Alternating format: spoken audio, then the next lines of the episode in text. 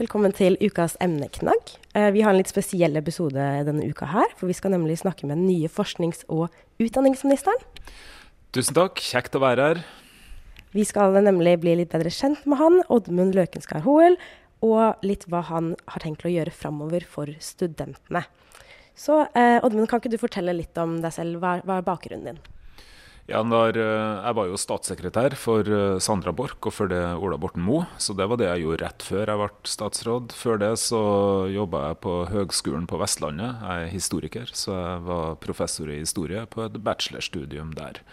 Så jeg bor i Jostedalen i Indre Sogn, men eh, kommer fra Trondheim opphavlig. Du har jo tidligere bakgrunn i akademia. Hvordan tenker du det er relevant for forsknings- og høyere utdanningsministerposten? Jeg tenker Det er slett ikke nødvendig for å ha en sånn uh, statsrådsjobb, men uh, det gir jo noen fordeler. Jeg kjenner jo sektoren gjennom å ha vært det meste av yrkeslivet mitt i inn, så sånn sett får jeg jo noen innsikter gratis på den måten. Du har jo også vært statssekretær for både Borch og Ola Borten Moe. Hva hva slags erfaringer tar du med deg fra det? Aller mest så tar jeg med meg at uh, alle de sakene jeg jobber med som statssekretær, er jo dem jeg skal fortsette å jobbe med som statsråd. Og den statssekretærjobben den går jo veldig mye ut på å jobbe seg inn i de sakene som uh, vi, vi, driver med. Så det er vel den aller viktigste ballasten jeg har med meg, i tillegg til at jeg har jo vært i to og et kvart år i regjeringsapparatet og i systemet og i departementet og kjenner, kjenner systemet, kjenner folkene. Ja, for nå kommer jo du etter Sandra Borch, som var ganske ak jobba aktivt med de fuskesakene som eh, i hvert fall denne høsten her skjedde. Hvordan er det du skal jobbe videre med de sakene? Nei, Vi fortsetter å jobbe på samme måten med dem. Det har jo mange ulike sider, akkurat i fuskesakene. Det ene er den nye universitets- og høgskolelova, som nå er vedtatt i Stortinget den eh, veka her. Det er jo ei storhending for uh, i norsk universitets- og høgskolehistorie. Uh, der uh, var fusk et viktig kapittel. og det, Vi har jobba mye da vi laga den lovproposisjonen i fjor med å med, med, å klargjøre regelverket rundt fusk, med å nyansere reaksjonsmåtene og med å med å få institusjonene til å samordne regelverk og praksis bedre. Så Det er det aller viktigste vi nå har gjort, det å sette ut i livet det som nå blir en del av den nye universitets- og høgskolelova. Kan vi få se en, en nasjonal felles eh, lov eller regelverk om hva som er fusk? Altså vi har, eh, vi, Stortinget har vært klar på at vi skal ikke ha noe felles nasjonalt regelverk i detalj. Eh, det er fortsatt eh, eksamensreglementene på hver institusjon som bestemmer hva som er fusk og hva som ikke er fusk. Men det vi har sagt veldig tydelig, det er at eh, de regelverkene må samordnes bedre. Så vi har tatt initiativ for lengst til et arbeid med å gjøre den samordninga og samordne praksisen på feltet.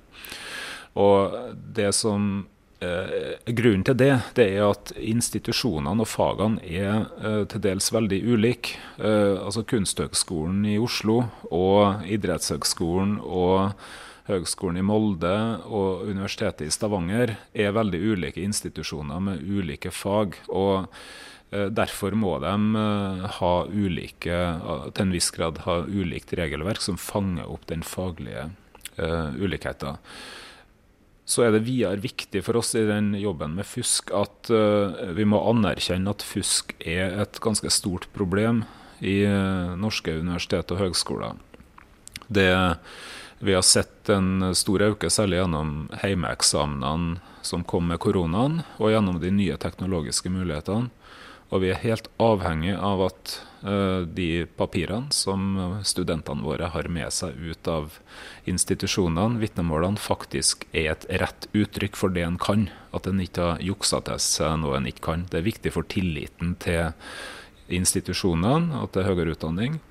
Og det er også viktig for de studentene som ikke fusker. At ikke, det ikke kommer noen som har fuska og går forbi dem i videre konkurranse. Du nevner det med å mm, samkjøre eller samordne litt mer av eh, de fuskereglene på tvers av universitetene. Hvordan skal dere jobbe med det? Uh, vi har gitt uh, direktoratet vårt HKDIR, altså Direktoratet for høyere utdanning og kompetanse. I, de skal ta en jobb med, med å skape arenaer for at institusjonene kan møtes og, og, snakke seg mer sammen. Det er egentlig mye det det er snakk om. At de folkene som jobber med de her spørsmålene rundt om på institusjonene, Uh, har mer kontakt seg imellom om hvordan en både utformer regelverket og praktiserer regelverket. Men det er viktig for oss at det her i, i bunn og grunn er faglige spørsmål. Det er fagfolkene som uh, utformer regelverk og som bestemmer hvordan en helt konkret eksamen skal, hvordan skal prøve studentene i en helt konkret uh, situasjon. Og så må, eh, må, institusjonene eh, snakke på tvers og sørge for at det regelverket er best mulig. Og det har vi HK-DIR til å ta seg av. Og vi har Universitets- og høgskolerådet, som òg er en viktig part oppi der. Men uh, i f.eks. saker som Ingvild Kjerkol sin masteroppgave, så satt man jo i flere minutter på f.eks. Dagsnytt 18 og diskuterte om dette var fusk eller ikke. To forskjellige sensorer kunne si forskjellige ting. Hvordan skal slike problemer løses når man snakker om fusk? Ja, Det er jo nettopp det vi har sett nå i mange diskusjoner. At uh, hvis du tar fagfolk fra ulike fagfelt, så er, de, er det ulike fagtradisjoner for hva som er uh, skikk og bruk og folkeskikk, og hva som er greit og hva som ikke er greit. Uh, og derfor, derfor, må det her springe ut av hva er standarden på det her fagfeltet. Og så må vi ha et regelverk som tar utgangspunkt i det. Og da må vi til en viss grad godta at det er, eh, at det er noen nyanser. Uh, og så uh, litt sånn uh, F.eks. sitatskikk. da.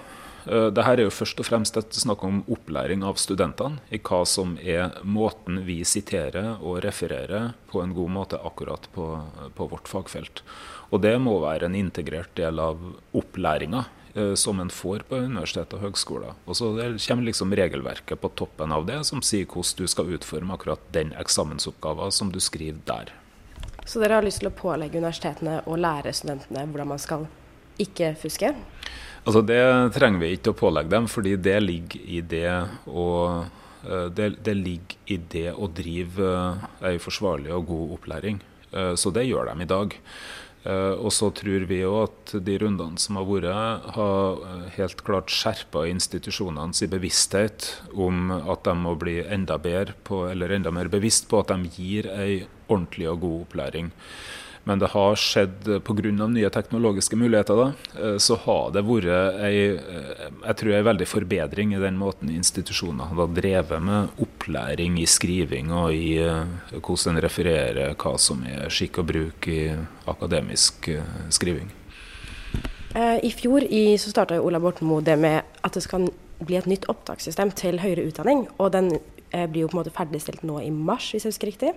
Eh, og det forslaget skal komme, av det nye opptakssystemet. Hva, hva, tenker du om at eh, det nye, eller Hvordan tenker du at det nye opptakssystemet skal se ut?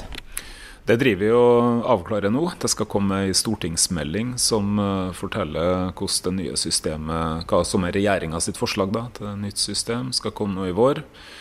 Uh, det som er utgangspunktet vårt for den jobben, det baserer seg jo på det opptaksutvalget Marianne Aasen i spissen, som leverte en, en utgreiing, en NOU, i fjor. Det helt overordna målsettinga med opptakssystemet det er at vi må få unge folk fortere inn i utdanning og dermed fortere ut i jobb. Vi har rigga et system i dag med masse tilleggspoeng og andre ting som fører til at uh, en del bruker for lang tid på å komme inn på den utdanninga de vil. Så det er det viktige for oss. Vi eh, må ha, eh, liksom, vi må ha flere jobb. Det blir flere eldre. Framover må vi gjøre alle de grepene vi kan for å sørge for at uh, i hvert fall den som kan jobbe, uh, er i jobb. Det er bra for samfunnet, og det er bra for den enkelte. Det er ikke bra at du må vente i flere år før du kommer inn på studiet, og så er du ganske gammel når du kommer ut i arbeidslivet og begynner å tjene penger og kan etablere deg. Og det vi da gjør, er at vi ser på alle de tingene i opptakssystemet som fører til at folk bruker lang tid på å komme inn. Uh, og særlig gjelder det alle tilleggspoengene. Alderspoeng, der du får premiert bare for å bli eldre. Eh, det er jo kanskje det som mest direkte fører til at eh, studiestarten blir utsatt for folk på de studiene med konkurranse om å komme inn, men òg andre tilleggspoeng som en får etter videregående, som uh, vernepliktspoeng, sånn folkehøgskole, fagskole, høyere utdanningspoeng. Uh, vi ser på kjønnspoengene, hvordan vi skal håndtere det. Og i videregående realfagspoeng og språkpoeng. Og så ser vi jo på Vi har karakterkrav i dag for å komme inn på både sykepleierutdanninga og lærerutdanningene. De karakterkravene fører òg til at, folk, at unge folk tar opp igjen fag for å uh, bli kvalifisert for å komme inn derfor, og til utsatt studiestart. Er det fornuftig? Så alt det her det er sånn vi vurderer, og så har vi ikke konkludert enda, Så hvordan det blir, det uh, vet ikke vi enda. Men opptaksutvalget de foreslo egentlig å fjerne alle tilleggspoeng og alle karakterkrav og liksom gjøre rent bord. Så det er liksom utgangspunktet for debatten her. For å gå litt tilbake til det at du er etterkommer av Sandra Borch og Ola Borten Moe. De var jo noe som hadde mye Det var mye vind rundt den, det var mye diskusjoner. Og Sandra Borch gikk jo av, og Ola Borten Moe gikk jo også av. Eh, og nå har det også kommet fram at du hadde juksa, med, juksa medlemstallene i Norges Målungdom eh, på 90-tallet. Eh, hvordan skal du få tilliten til studenter tilbake? Den tilliten den uh, må nå alle politikere arbeide for hver dag. Og det tenker jeg er aller viktigste med det, det er hvordan vi gjør jobben uh, i dag og i morgen. Hvordan vi uh, skjøtter det, den jobben vi har, og hvordan, hvordan vi kommuniserer med dem, som har, dem som er viktigst for oss. Så det ser jeg lyst på. Jeg skal nå ha bretta opp armene og skal gjøre en jobb for høyere utdanning og forskning, som jeg nå har fått det øverste ansvaret for. Hvordan skal du bygge tilliten mellom studentene, bl.a. f.eks. UiO, som erklærte Ola Borten Moe persona non grata? Jeg opplever at jeg har et godt forhold til studentene, studentorganisasjonene. Og så skal jeg nå eh, ha en god dialog med dem, har jeg tenkt. Og fortsette med det. Og det er nå utgangspunktet mitt. Ja, fordi Hva er det du har lyst til å fokusere på som din tid som forsknings- og høyere utdanningsminister? Ja, det vi, De to uh, første sakene, da, store sakene som jeg uh, har fått i fanget, da, eller som jeg for så vidt har jobba med sjøl i lang tid, opptakssystemet som vi har snakka mye om, og ei stortingsmelding om profesjonsutdanningene. Uh, og den blir òg viktig, den kommer i vår, for vi må gjøre en jobb for å, for å løfte de for å løfte de profesjonsutdanningene, sånn som helse- og sosialutdanningene, lærerutdanningene, ingeniørutdanningene, dem som er utrolig viktige for å bære og utvikle velferdsstaten. Uh, og der må vi sørge for at vi har gode, uh, gode og jordnære profesjonsutdanninger, og at vi har dem tilgjengelig over hele landet. Uh, for vi ser nå at vi har litt rekrutteringsproblem. Det er spørsmål omkring er de praksisnær nok. Så vi må, vi må sørge for at det er utdanninger som er nok i kontakt med det yrkesfeltet der, eh, som kandidatene skal ut i. Og vi må sørge for at de er tilgjengelige over hele landet. Og så må vi jo selvfølgelig snakke litt om studiestøtta. Det er jo kanskje den viktigste saken for studenter. Syns du studenter klager mye over studiestøtta? Det, studenter har uh, sin fulle rett, eh, som alle andre, til å kjempe for eh, sine interesser. Eh, nå har vi løfta studiestøtta betydelig eh, sammen med SV nå i de to årene som har gått. Eh, liksom Godt over 20 000 kroner i året betyr det. En markant realvekst. Så selv om det har vært stor prisstigning, så har økningen i studiestøtta vært enda større enn prisveksten.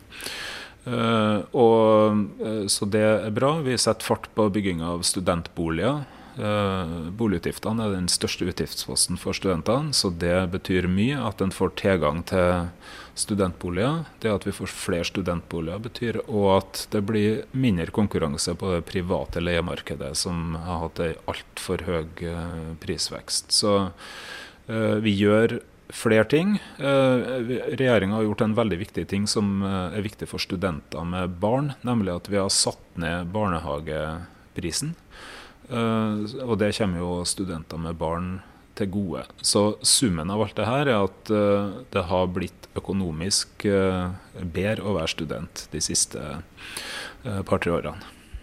Hvis du skulle ha løst ett problem for eh, studenter i Norge, hva ville det ha vært? Nei, det er jammen meg et vanskelig spørsmål. Jeg tror Jeg er kanskje litt, litt nærsynt nå, da, i og med at vi driver med opptakssystemet. Men skal vi løse et problem for dem som skal bli studenter, i hvert fall, så er det å sørge for at de kommer fortere inn på det studiet de har lyst på enn i dag. Tusen takk, eh, Oddmund Løkenskar Hoel, nye forsknings- og høyere utdanningsminister, for at du tok deg tida til å komme hit på Emneknaggen i dag. Tusen takk for praten.